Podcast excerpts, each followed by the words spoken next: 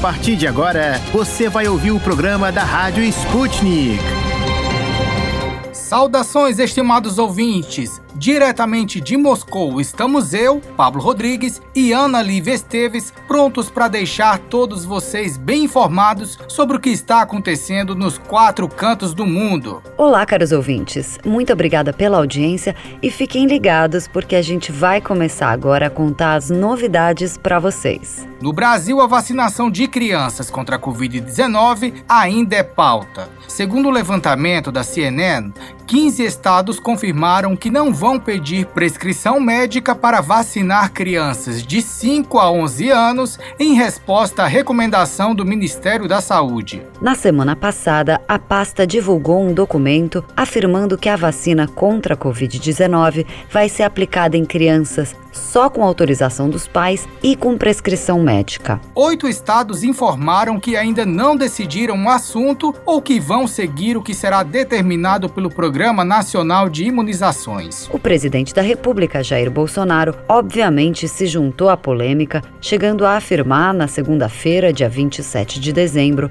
que sua filha Laura, de 11 anos de idade, não vai ser vacinada. Ainda no Brasil, apesar de as chuvas terem diminuído no estado da Bahia, a situação permanece perigosa, uma vez que muitos rios e barragens estão com os níveis de água bem altos. Os bombeiros estão monitorando ao menos 10 represas por causa do risco de rompimento, caso as chuvas continuem. Na barragem da Pedra do Cavalo, uma das mais importantes da Bahia, o nível chegou a atingir o volume máximo da calha do rio. São 116 os municípios baianos afetados, enquanto 100 deles já declararam situação de emergência. As grandes enchentes no estado da Bahia já causaram 20 mortes e afetaram cerca de 470 50 mil residentes. Na noite da segunda-feira, dia 27, o governador da Bahia, Rui Costa, anunciou novas ações para apoiar as vítimas do desastre natural. Ele prometeu um auxílio financeiro para as famílias atingidas. Voando do Brasil para Estados Unidos, o orçamento de defesa norte-americano para 2022 foi assinado pelo presidente Joe Biden, caros ouvintes, e o valor é estratosférico.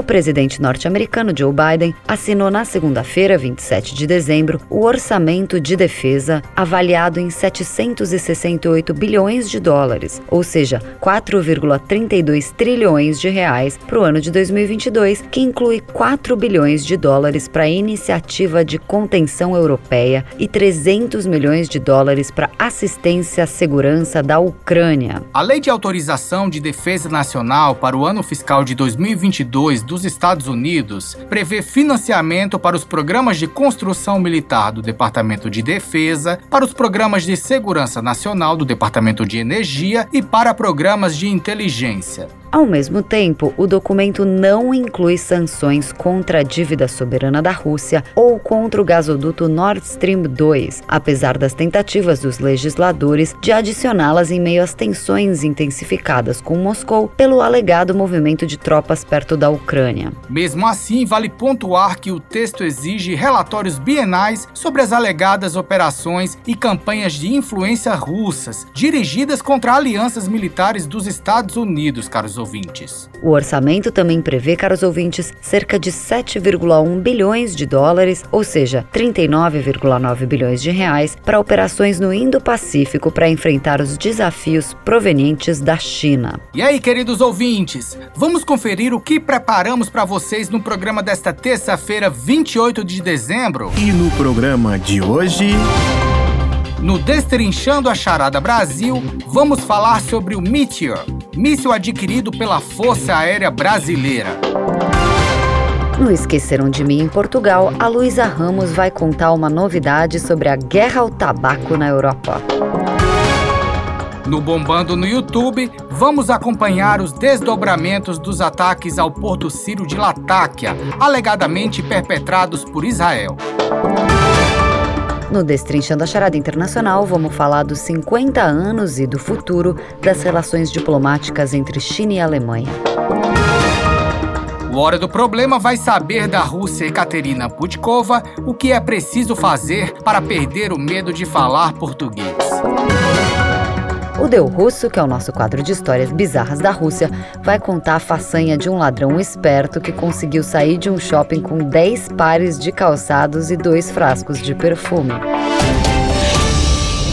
Destrinchando a charada. De dentro e fora do Brasil. Política, economia, sociedade e tudo que engloba o maior país da América Latina.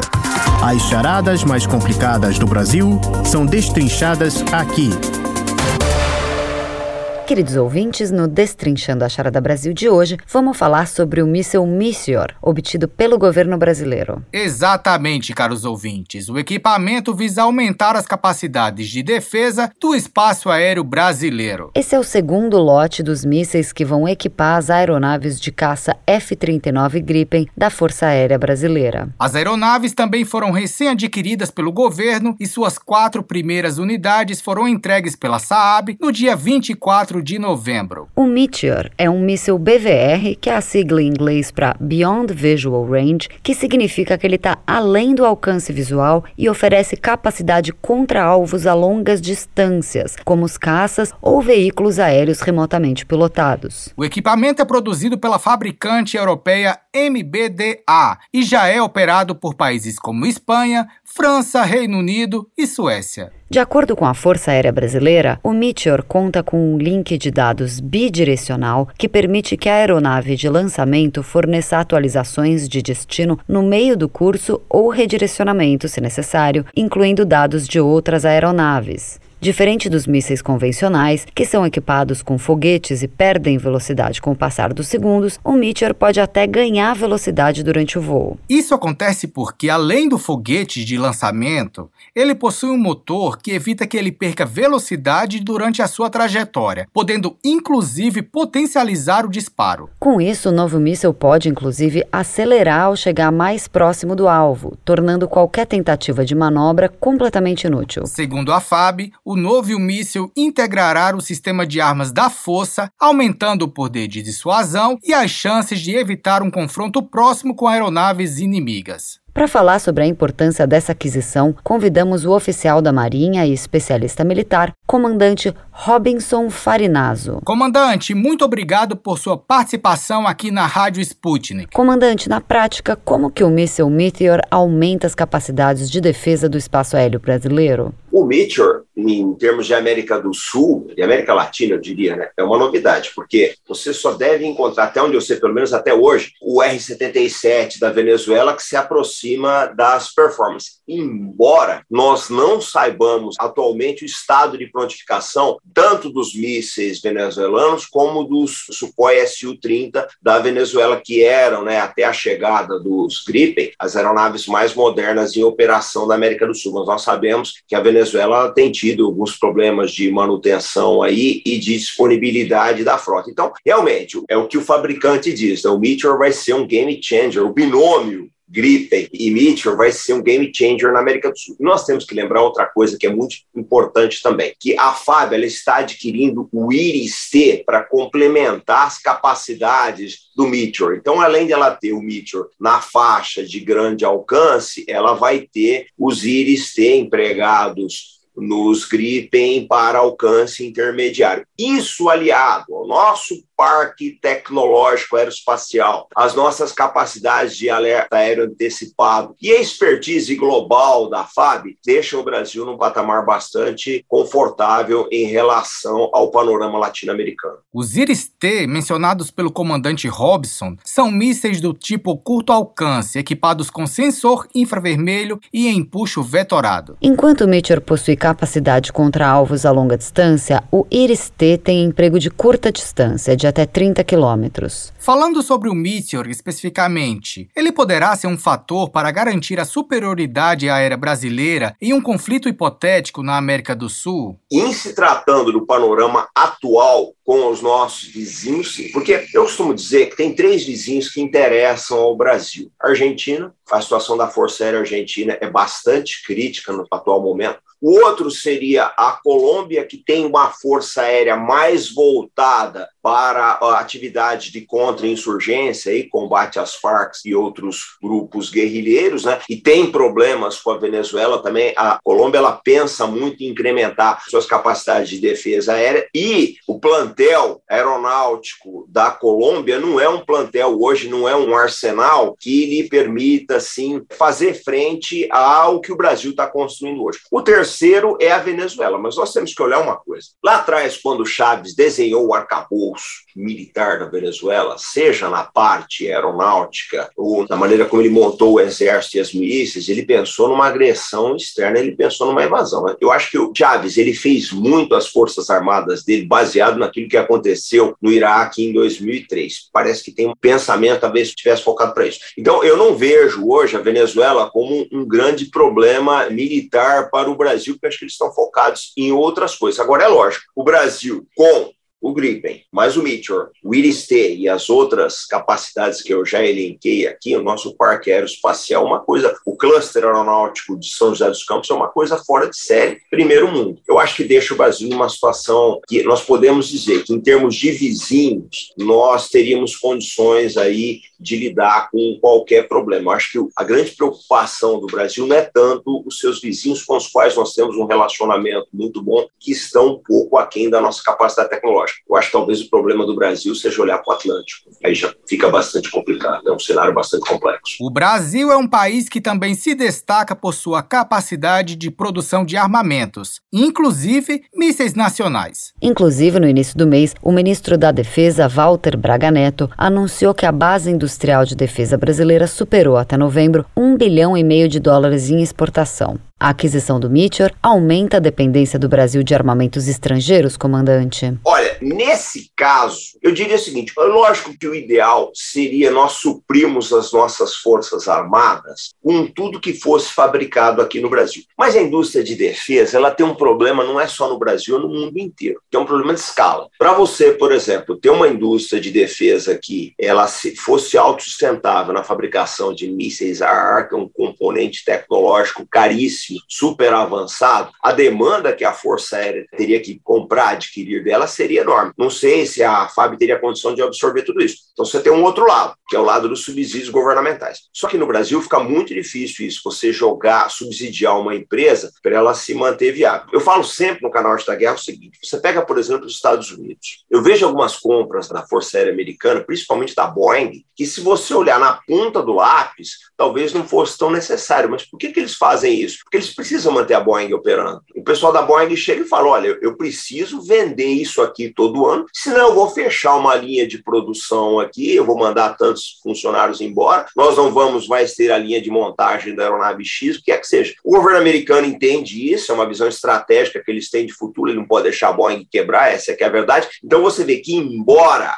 os principais contratos sejam destinados à Lockheed, que sempre foi nos últimos 30 anos é a grande vencedora dos principais contratos da Força Aérea Americana, mas você vê que eles mantêm um fluxo de encomendas com a Boeing justamente para ela não morrer. Lá dá para fazer isso, porque o orçamento americano é uma coisa gigantesca. Aqui no Brasil é muito difícil você explicar para o contribuinte, olha, nós vamos manter a empresa tal com uma encomenda de tantos mísseis aí, pessoal, mas por que, é necessário tudo isso? Então nós vamos fazer um aporte tanto de subsídios aí para manter essa empresa viável. Todo mundo iria reclamar, mas não tem outro caminho. O fato é que não tem outro caminho. Ou você tem uma capacidade de exportação enorme, de maneira a manter a linha de produção quente o ano inteiro, ou o principal cliente, que é o governo, usando como ator as Forças Armadas, faz a absorção de toda essa produção e mantém a sustentabilidade da empresa. Então é muito difícil. O que é mais difícil gente explicar para o parlamentar e para a sociedade é que defesa é investimento a fundo perdido, não tem outra maneira de ser feito. Então, para responder a pergunta, o ideal, lógico, seria nós termos uma fabricação desses mísseis aqui. Mas como não foi viável nesse primeiro momento, a aquisição dos Meteor será bem-vinda. E eu acredito que a Força Aérea Brasileira, que ela tem uma capacidade fora de série, eu costumo dizer que a FAB é que nem aquele sujeito que ele pega um tubo de pasta de dente espreme até o final. A FAB, o que ela puder tirar tirar da capacidade dos Gripen, dos Meteor, dos Iris, ter o que vier aí para frente, ela vai fazer. Eu acho que a FAB ela vai conseguir transferir muita tecnologia desses novos insumos para o nosso parque aeronáutico. Mas precisa deixar a semente aqui, precisa deixar a mensagem, eu falo sempre isso. Nós temos que pensar em construir e melhorar cada vez mais o nosso cluster aeronáutico de maneira a manter a nossa independência, que é um fator de soberania. Comandante,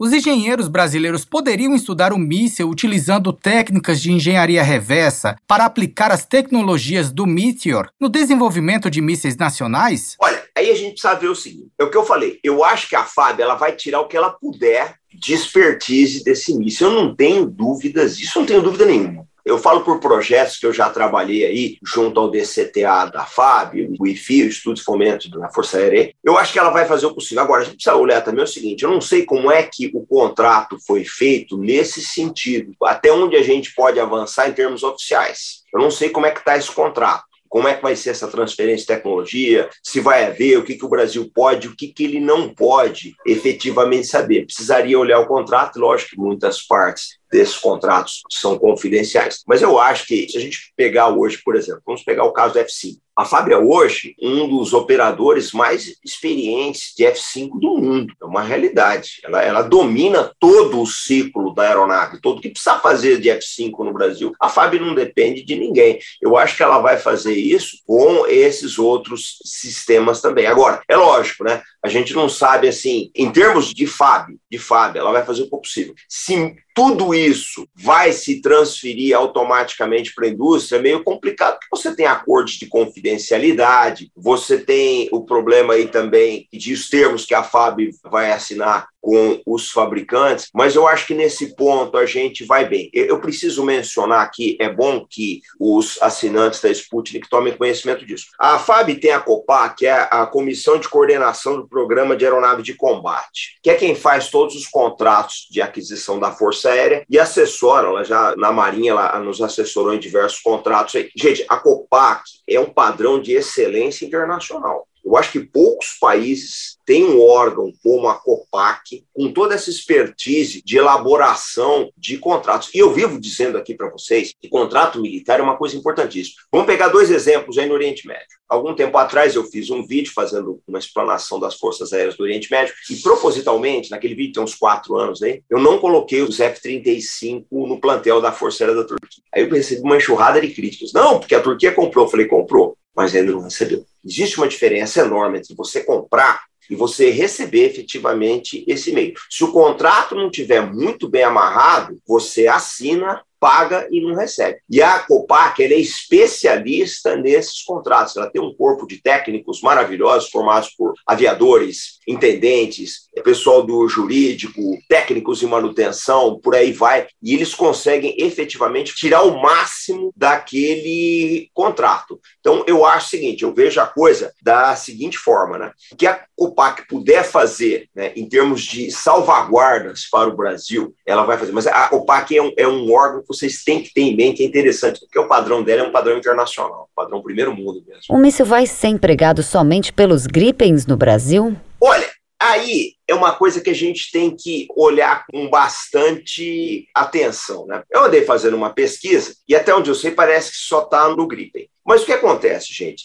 Se fosse, por exemplo, usar o, no F5, eu não sei por quanto tempo ainda a Força Aérea vai usar o F5, eu não, não sei qual é a previsão que ela tem, qual a moldura temporal que a Força Aérea tem de utilização dos jatos F5 mesmo, os modernizados, em função aí da resistência da célula, né, é, dos custos operacionais e uma série de outras coisas. O outro também seria o A1, que eu também não sei qual é a previsão da Força Aérea. Agora, nós temos que olhar o seguinte: primeiro, eu não sei se nesse contrato de aquisição dos Meteors está previsto a possibilidade de utilização em outras aeronaves, eu não sei dizer. A outra coisa é o seguinte: não basta a gente pegar e simplesmente falar, não, nós vamos colocar o míssil na aeronave, você vai lá, pendura na asa e sai voando. Não é assim. Uma campanha de homologação, certificação desses mísseis numa aeronave dessas é caríssima é caríssimo, a mesma coisa no milhão dos milhões dos milhões de dólares. Então eu não sei se a FAB ela vai querer primeiro, se ela está pesando o custo-benefício de se homologar esses mísseis e aeronaves que ela pode chegar aí daqui a cinco anos falar, olha, vou estou descartando essas aeronaves. Eu, eu não sei dizer, mas o que eu quero colocar para vocês é que os fatores condicionantes para você homologar um sistema de armas numa aeronave eles são extremamente complexos. Se a FAB decidir por isso, ela tem capacidade de fazer. Isso eu não tenho a menor dúvida. Eu já trabalhei com alguns processos de homologação da Força Aérea Brasileira em equipamentos em outras aeronaves. Eles dominam todo o ciclo de homologação. A FAB tem plenas condições de fazer isso. Mas é uma questão de custo, de oportunidade. Eu não sei. Eu, eu só sei o seguinte: se ela decidir adentrar aí nesse caminho, ela vai ser bem sucedida. Independente do emprego em novas aeronaves, o Meteor é uma grande aquisição para a Força Aérea Brasileira. Comandante Robinson Farinazo, muito obrigada pela sua participação.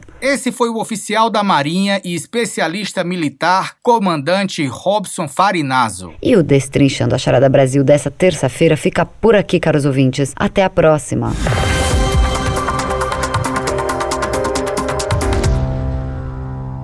Está à procura de notícias com outros pontos de vista e posicionamentos?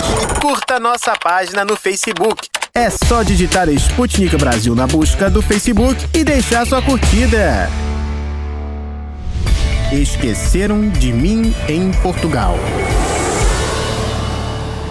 Senhoras e senhores passageiros, apertem os cintos de segurança porque estamos prestes a decolar rumo a Portugal. A tripulação Sputnik Brasil deseja a todos uma ótima viagem.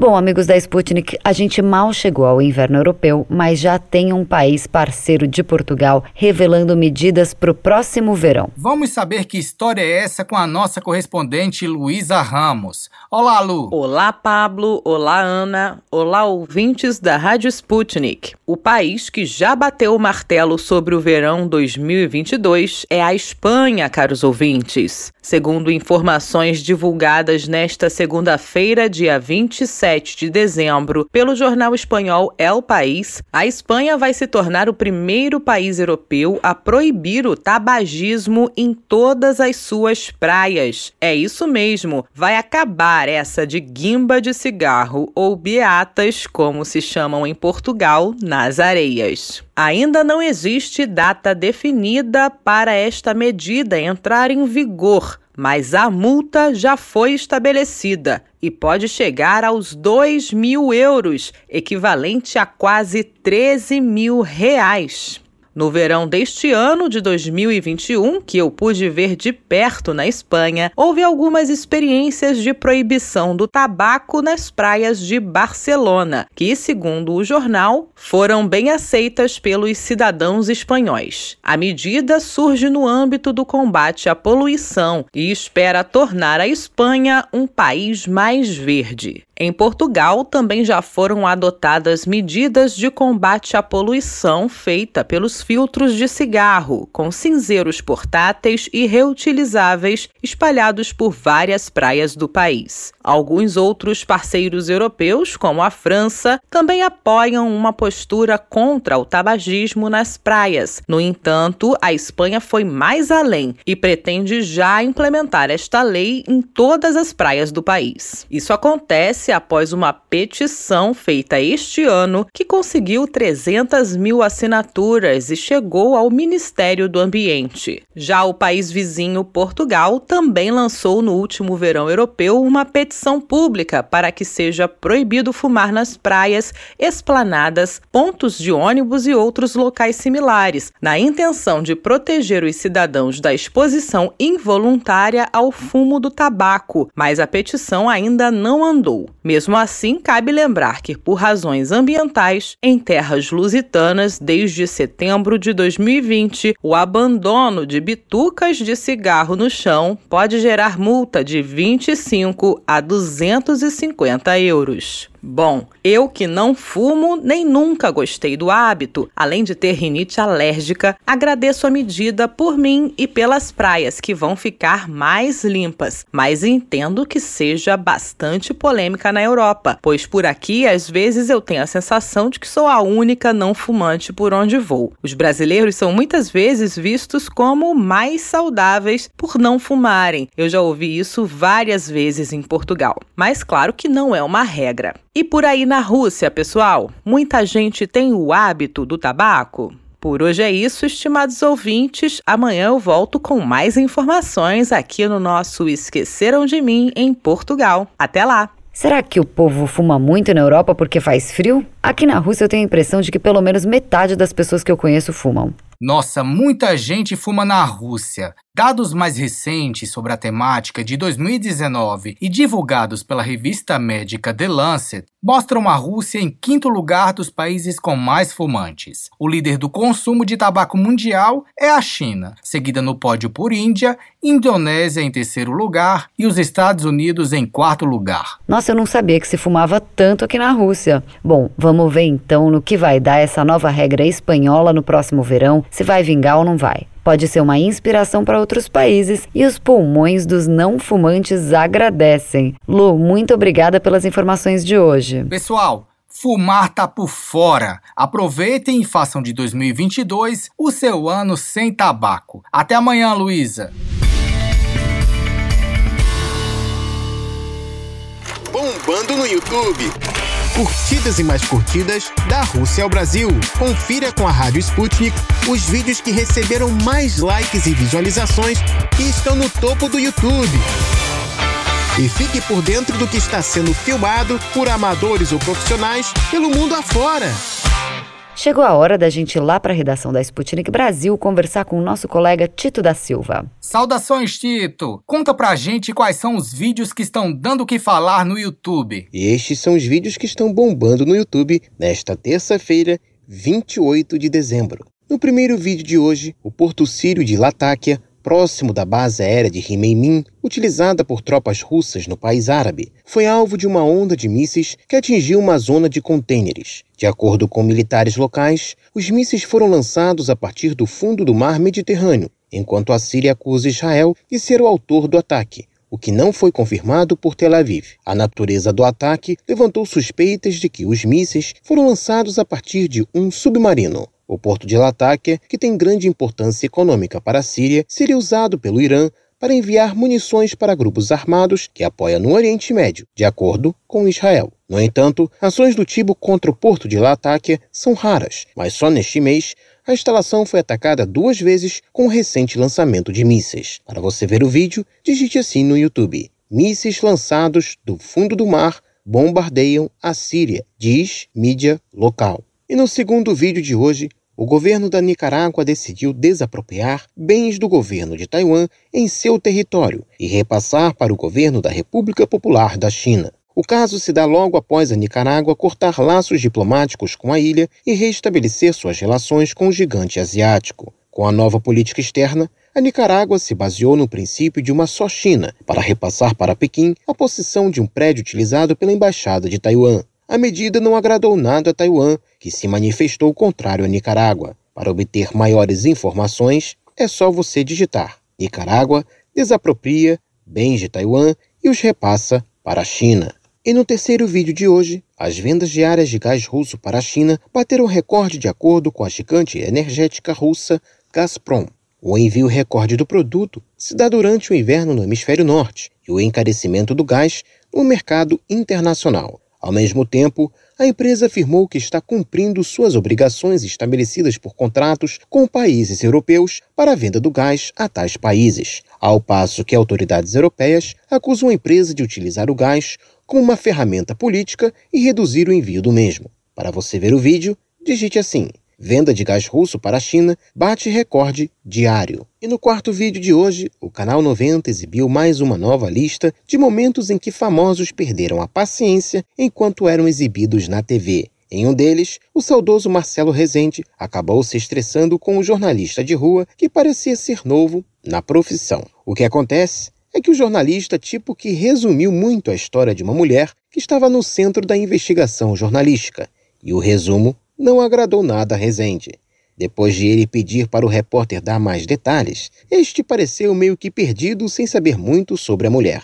E no quinto vídeo de hoje, o canal TechZone selecionou umas tecnologias militares que você nunca viu. Uma delas é um robô montado em esteiras chamado WMUT. Em cima do robô, uma metralhadora que pode ser apontada para diversas direções garante a letalidade da invenção no campo de batalha. Mas além de se poder atacar o inimigo, o WMUT é capaz de carregar equipamentos e suprimentos de até 270 quilos, podendo ser útil para a logística militar. E por hoje é tudo, pessoal. Até mais! A notícia dos ataques ao Porto Sírio de Latáquia vem um dia depois do anúncio por parte do governo israelense de que vai ampliar os assentamentos na região das colinas de Golã. Exatamente. O governo israelense anunciou um plano de investimentos para dobrar a população residente na região, que é considerada internacionalmente como território sírio ocupado. O Ministério das Relações Exteriores da Síria condenou a ação de Tel Aviv, dizendo que, aspas, a Síria condena a escalada sem precedentes e perigosa da ocupação israelense das colinas de Golã sírias e sua persistência em políticas de assentamentos em grave e sistemática violação que alcança o nível de crimes de guerra. Apesar da condenação internacional, os Estados Unidos reconheceram a soberania israelense sobre as colinas de Golã em 2019, dando muita confiança ao governo de Tel Aviv para proceder com a política de assentamentos. Tito, muito obrigada por deixar a gente a par de tudo que está rolando lá no Oriente Médio. Abraços.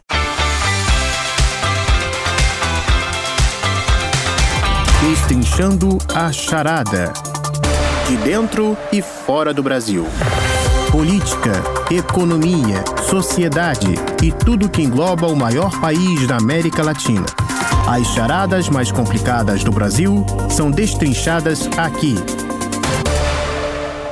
Prezados ouvintes, o ano de 2022 vai marcar o 50 aniversário do estabelecimento das relações diplomáticas entre a China e a Alemanha. E hoje vamos comentar aqui no Destrinchando a Charada Internacional as relações entre essas duas potências. Isso porque na terça passada, 21 de dezembro, o presidente chinês Xi Jinping pediu ao novo chanceler alemão, Olaf Scholz, que ele desempenhe, aspas, um papel positivo na estabilização das relações entre o bloco europeu e o gigante asiático. Foi a primeira conversa entre os dois líderes desde que Scholz se tornou chanceler da Alemanha no último dia 8 de dezembro. Além disso, de acordo com uma declaração do Ministério dos Negócios Estrangeiros da China, Xi e Scholz concordaram em defender o multilateralismo nos assuntos internacionais. Xi Jinping ressaltou que para a China as relações com a Alemanha são muito importantes. Nos últimos anos, a cooperação entre os dois países serviu como um termômetro da cooperação entre a China e a União Europeia. Nas últimas cinco décadas, as relações China-Alemanha demonstraram potencial e, segundo Pequim,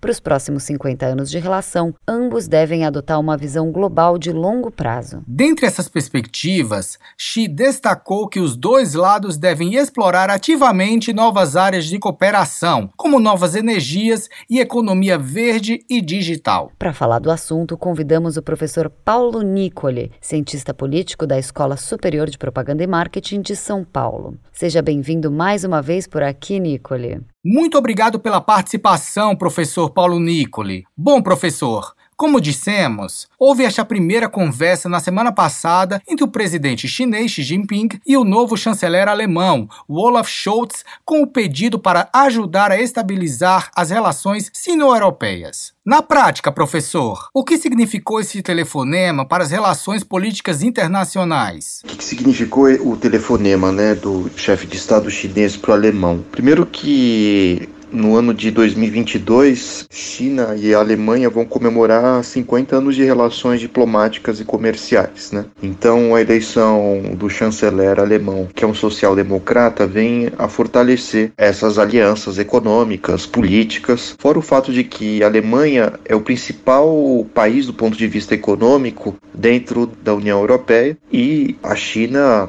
hoje é a principal parceira comercial dos alemães. Então, a eleição do novo chanceler na Alemanha é uma porta de entrada né, para os interesses políticos e econômicos chineses. Já adiantando uma outra questão, quais são esses interesses? Né? Primeiro, toda a questão em torno da economia verde, né, o desenvolvimento de novas tecnologias mais limpas, mais potentes, mais baratas A China quer reduzir as emissões de, de poluentes e também incorporar é, de forma mais abrangente a indústria 4.0, né, cuja origem é a Alemanha, né, pensando em tecnologias mais avançadas de automação, inteligência artificial, fábrica do futuro, entre outros aspectos né, que giram em torno tanto do, do avanço exponencial de novas tecnologias computacionais quanto também as farmacêuticas. Também, obviamente, a gente tem toda uma questão do desenvolvimento da economia verde. Isso envolve tecnologias mais limpas, mais baratas, mais potentes, menos poluentes, que tem como objetivo, claro, não só preservar o meio ambiente e reduzir os males predatórios dos seres humanos sobre a natureza, como também isso abre uma série de oportunidades de negócios, né? Exatamente para os investidores, para a indústria. Então,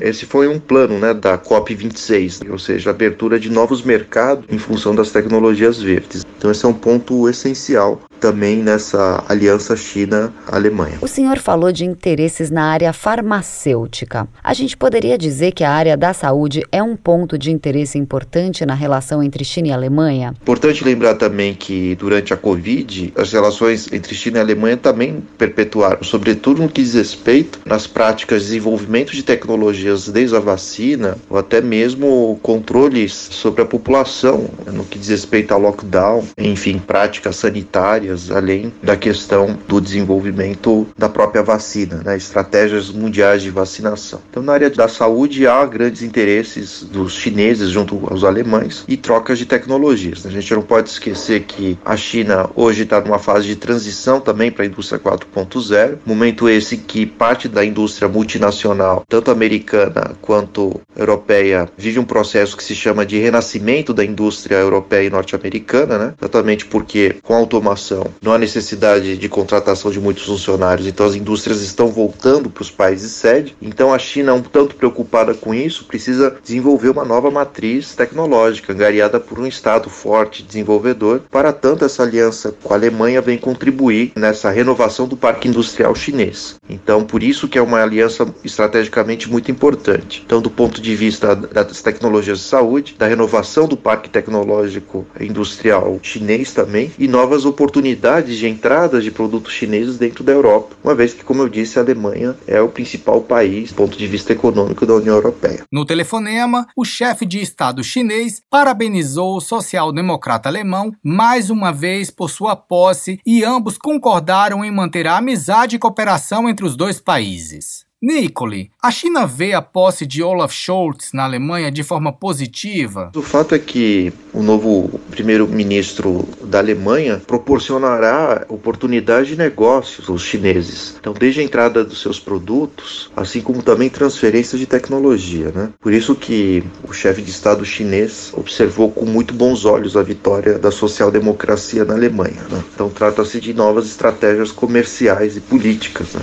A perspectiva chinesa sobre sobre o fortalecimento das relações com a Alemanha pode ser cumprida? O que a China pode ganhar com a saída de Angela Merkel e a chegada do social-democrata Scholz no comando da Alemanha? Primeiro, a China já é há cinco anos o principal parceiro econômico da Alemanha, então os negócios tendem a se perpetuar né, e se fortalecer. Né? Então, a China basicamente consolidou uma espécie de porta-voz dos seus interesses né, dentro da própria Europa com a vitória da social-democracia. É importante perceber que há toda uma série de relações multi multilaterais que surgem com as novas esquerdas, né? com a relação entre China e Alemanha. Já pode esquecer que esse mesmo primeiro-ministro alemão se encontrou com Lula no mês passado ou retrasado, exatamente para fortalecer novas práticas de defesa de interesses dos trabalhadores. Há uma perspectiva de uma ideia de uma indústria 4.0 que não seja tão predatória contra os interesses trabalhistas, sobretudo, né? Então, enquanto que ainda com a Merkel, no sentido geral na Europa, havia uma tendência né, de deixar a população literalmente a Deus dará, com neoliberalismo indústria 4.0, automação e perdas de empregos, a tendência é que agora haja uma visão mais de defesa dos interesses dos trabalhadores, né? E também a exigência da própria Alemanha, né, de que interesses trabalhistas também sejam difundidos na própria China, né? É importante que se diga isso. Professor, o mercado automobilístico, que já é importante, pode ser ainda reforçado nas cooperações entre União Europeia e China? Bom, sobre o mercado automobilístico, né, há esse processo né, de renascimento da indústria europeia. Né? Não significa necessariamente o retorno dos empregos, mas o fato é que hoje é muito mais barato para os europeus manterem suas fábricas dentro dos países sede do que nas periferias do capitalismo, como a China. Né? Apesar da China hoje ser uma potência econômica. Mas mas basicamente o que, que acontece? Né? Os carros para a indústria automobilística tendem a ser cada vez mais voltados à automação, sem motoristas. Então interessa muito a China incorporar esse tipo de tecnologia para poder exportar também. Né? Então a eleição do novo chanceler é uma forma também dos chineses angariarem a sua adaptação para o novo formato da indústria. Né? A questão que fica é qual é o futuro do trabalho das classes trabalhadoras. Né? E a tendência é que essa social-democracia alemã tenha essa perspectiva de defesa dos direitos trabalhadores trabalhistas. Né? A Alemanha, entre os países né, que despontam como potências na indústria 4.0, tem uma interessante marca prática né, de intercâmbio entre universidades, sindicatos, governo, empresas, né, na troca de tecnologias, intercâmbio de funcionários, treinamento de funcionários para que trabalhem com linguagem de computação ou mesmo a manutenção das novas máquinas. Então a Alemanha já se prepara para os impactos, sobretudo no que diz respeito à perda dos empregos. E esse tipo de aliança né, entre empresa, indústria, universidade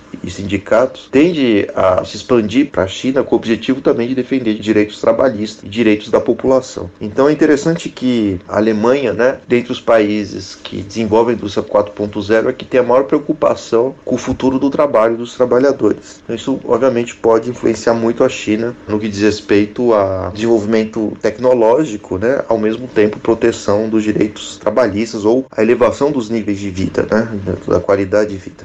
Tanto a China quanto a Alemanha são grandes países com importante influência, disse Xi Jinping na conversa com Scholz. Acrescentando que um sólido desenvolvimento das relações bilaterais não só serve aos interesses fundamentais dos dois países e seus povos, mas também contribui para a paz e para a estabilidade mundiais. Por sua vez, Scholz disse que espera que o acordo de investimento sino-europeu entre em vigor em breve e que a Alemanha está pronta para trabalhar com a China na defesa do multilateralismo internacionalmente. Nesse contexto, qual a importância em se defender o multilateralismo nos assuntos internacionais, Nicole? Essa é uma tendência da China, né, que tenta refundar, entre aspas, a nova rota da seda. Lógico que não é para exportar seda, mas produtos industriais. Né? A China precisa ampliar, digamos assim, o foco de, ou a quantidade né, de nações, ou ampliar né, a quantidade de mercadorias que chegam em diferentes nações. Ainda mais tecnologias voltadas à indústria 4.0. Né? Acho que esse é um ponto importante. Então a China, já há alguns anos, com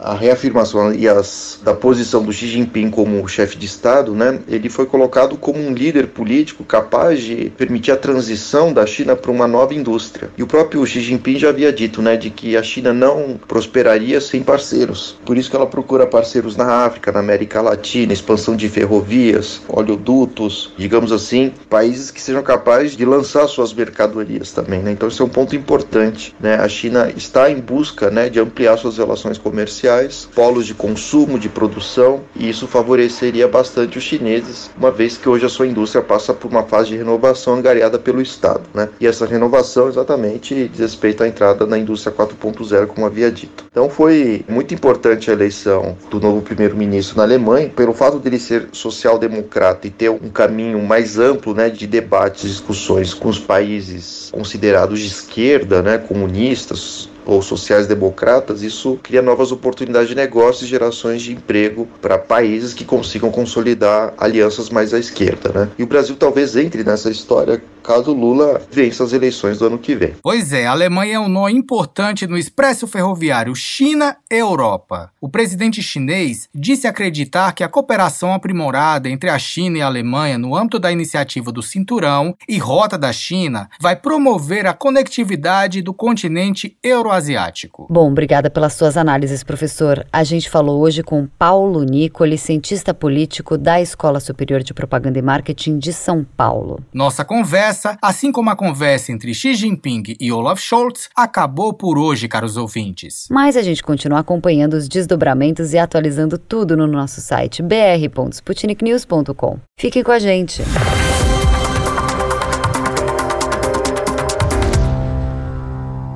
Mistura do Brasil com Moscou. A mistura agora é com a Rússia e a coreografia já está pronta. Com os gingados russos e brasileiros, as relações estão em sintonia entre estes dois gigantes.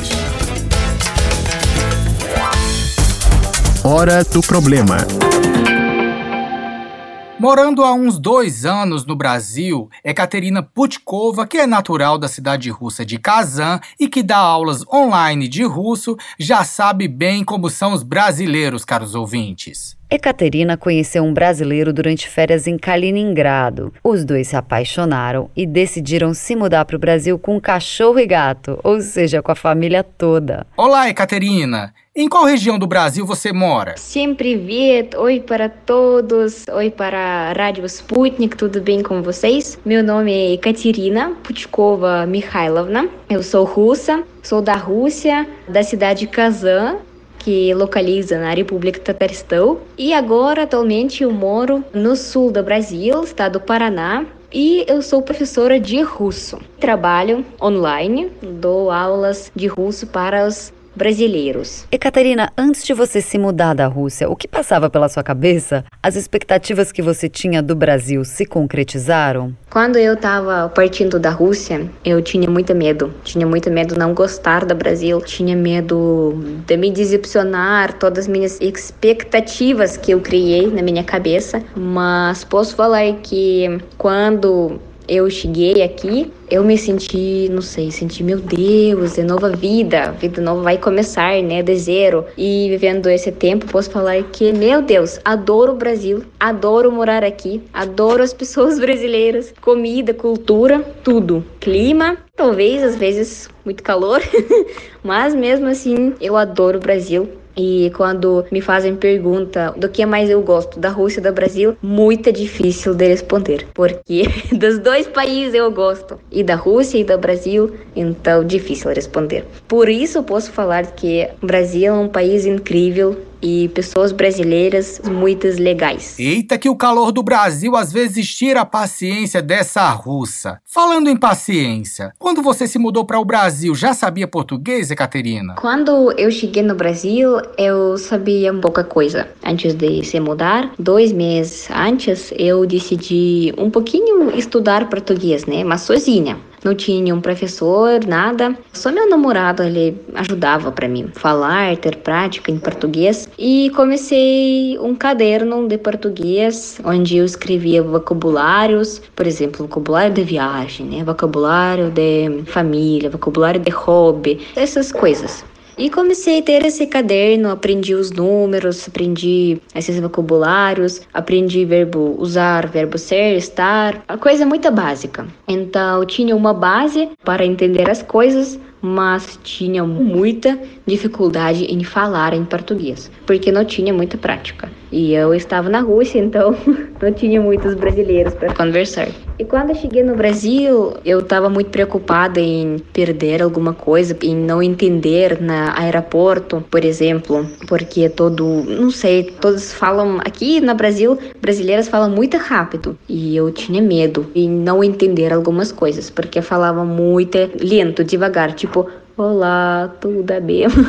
Desse jeito. E quando eu cheguei no Brasil, então era dificuldade. Eu poderia falar muita, muita pouca coisa. Entendia mais que falava. Nossa, minha cabeça estava jogando comigo um jogo muito triste, porque tudo misturava na cabeça. E quando eu poderia falar, quando eu tinha desejo em falar, minha cabeça misturava russo, inglês e português. Então eu queria falar uma frase, saía três palavras dos três idiomas. Então eu tinha muita dificuldade mesmo. A família do seu marido, Ekaterina, dava os empurrãozinhos para você praticar o português? Ekaterina, você se lembra ainda de alguma situação de quando você ainda tinha vergonha de falar português, mas tinha que falar de qualquer jeito? Eu lembro uma situação que me colocaram especialmente para praticar meu português. Nós fomos no mercado, na padaria, comprar pão francês e falaram para mim: vai na frente e pede oito pães, né? Você pede sozinha. E eu tinha muita vergonha e eu, nossa, eu tinha, nossa, eu não poderia falar mesmo. Tinha medo de falar e falhei alguma coisa, mostrei com o um dedo para ela e ela deu esses pais para mim.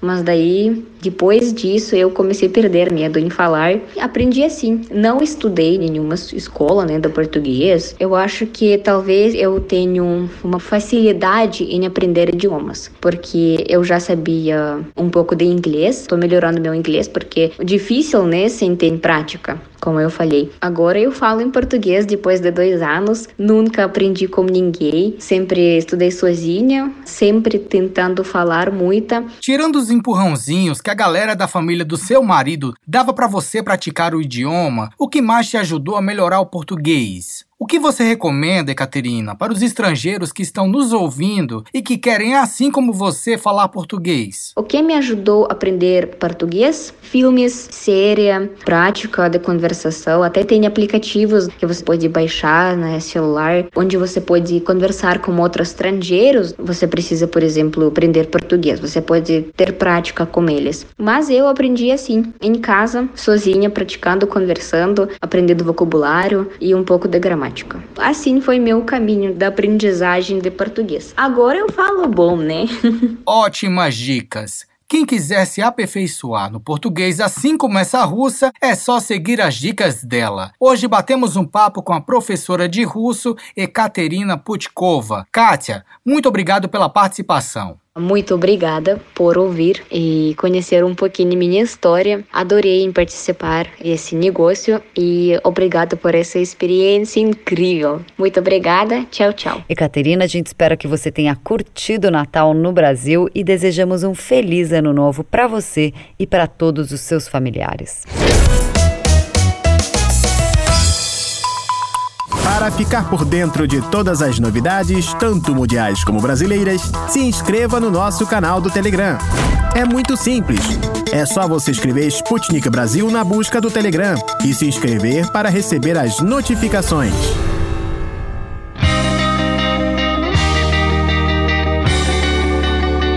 Deu Russo.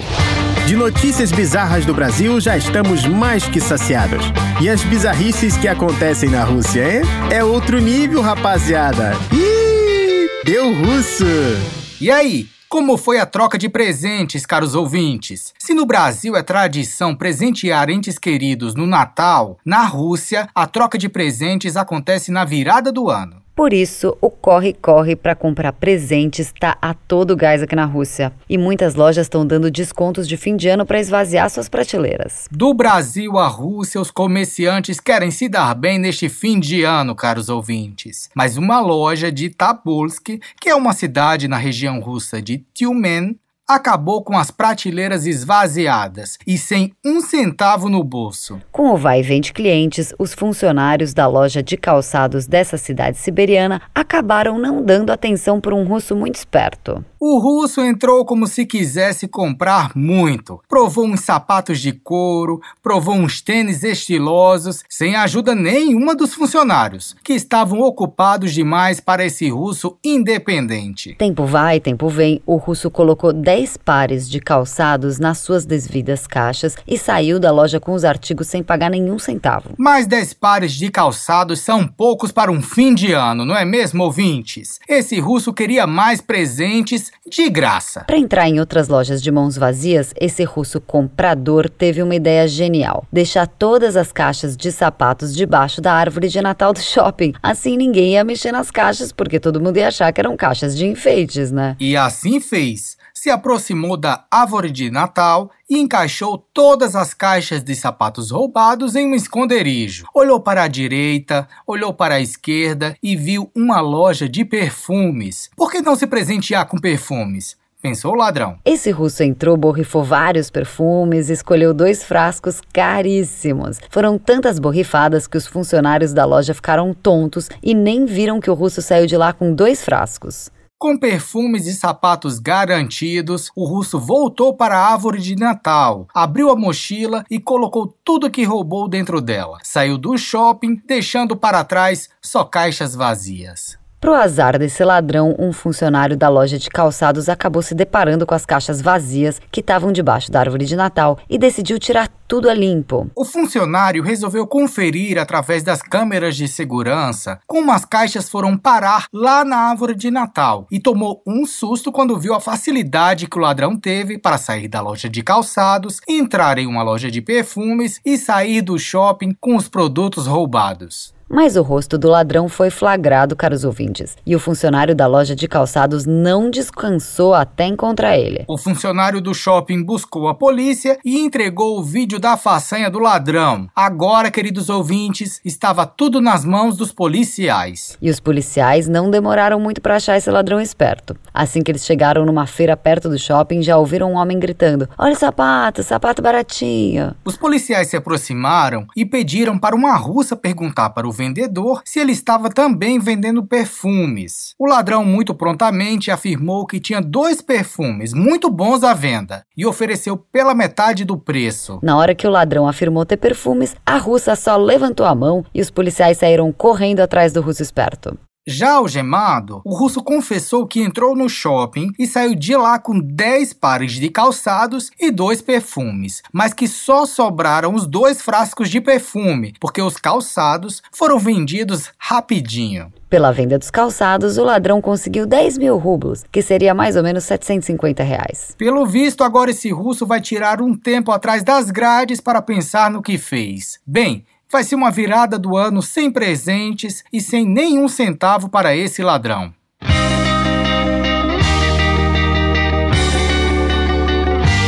Quem nunca sofreu por amor, que atire a primeira pedra. Peraí, é assim mesmo que está escrito na Bíblia, Ana? Mais ou menos, Pablo. Mas por que amor? Tem alguém sofrendo do coração em Moscou?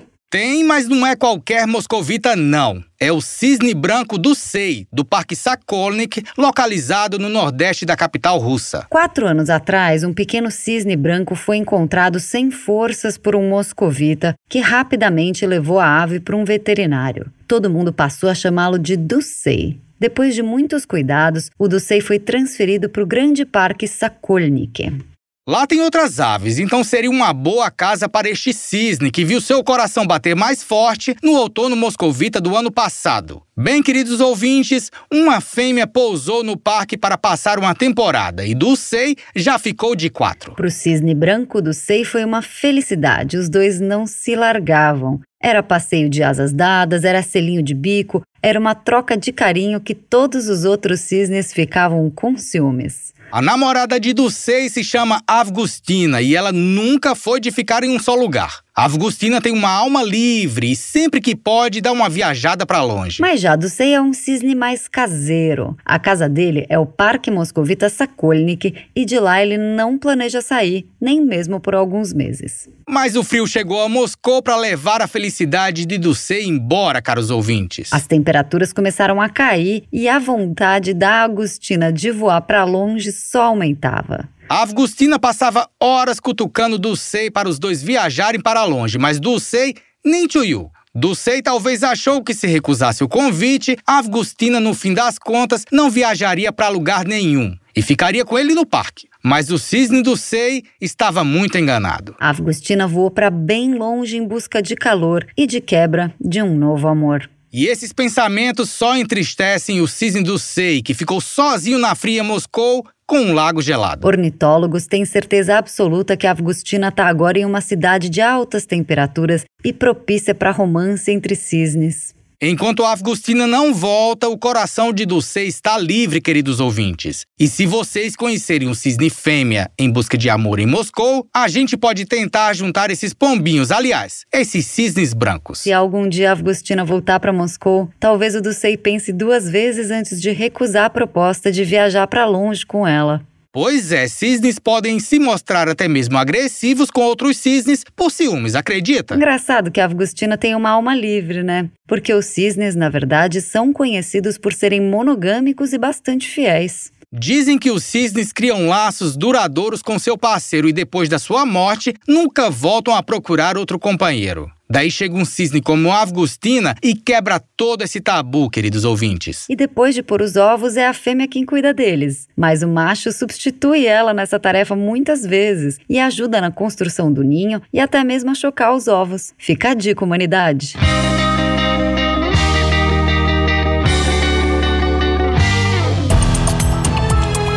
Hora de dar tchau.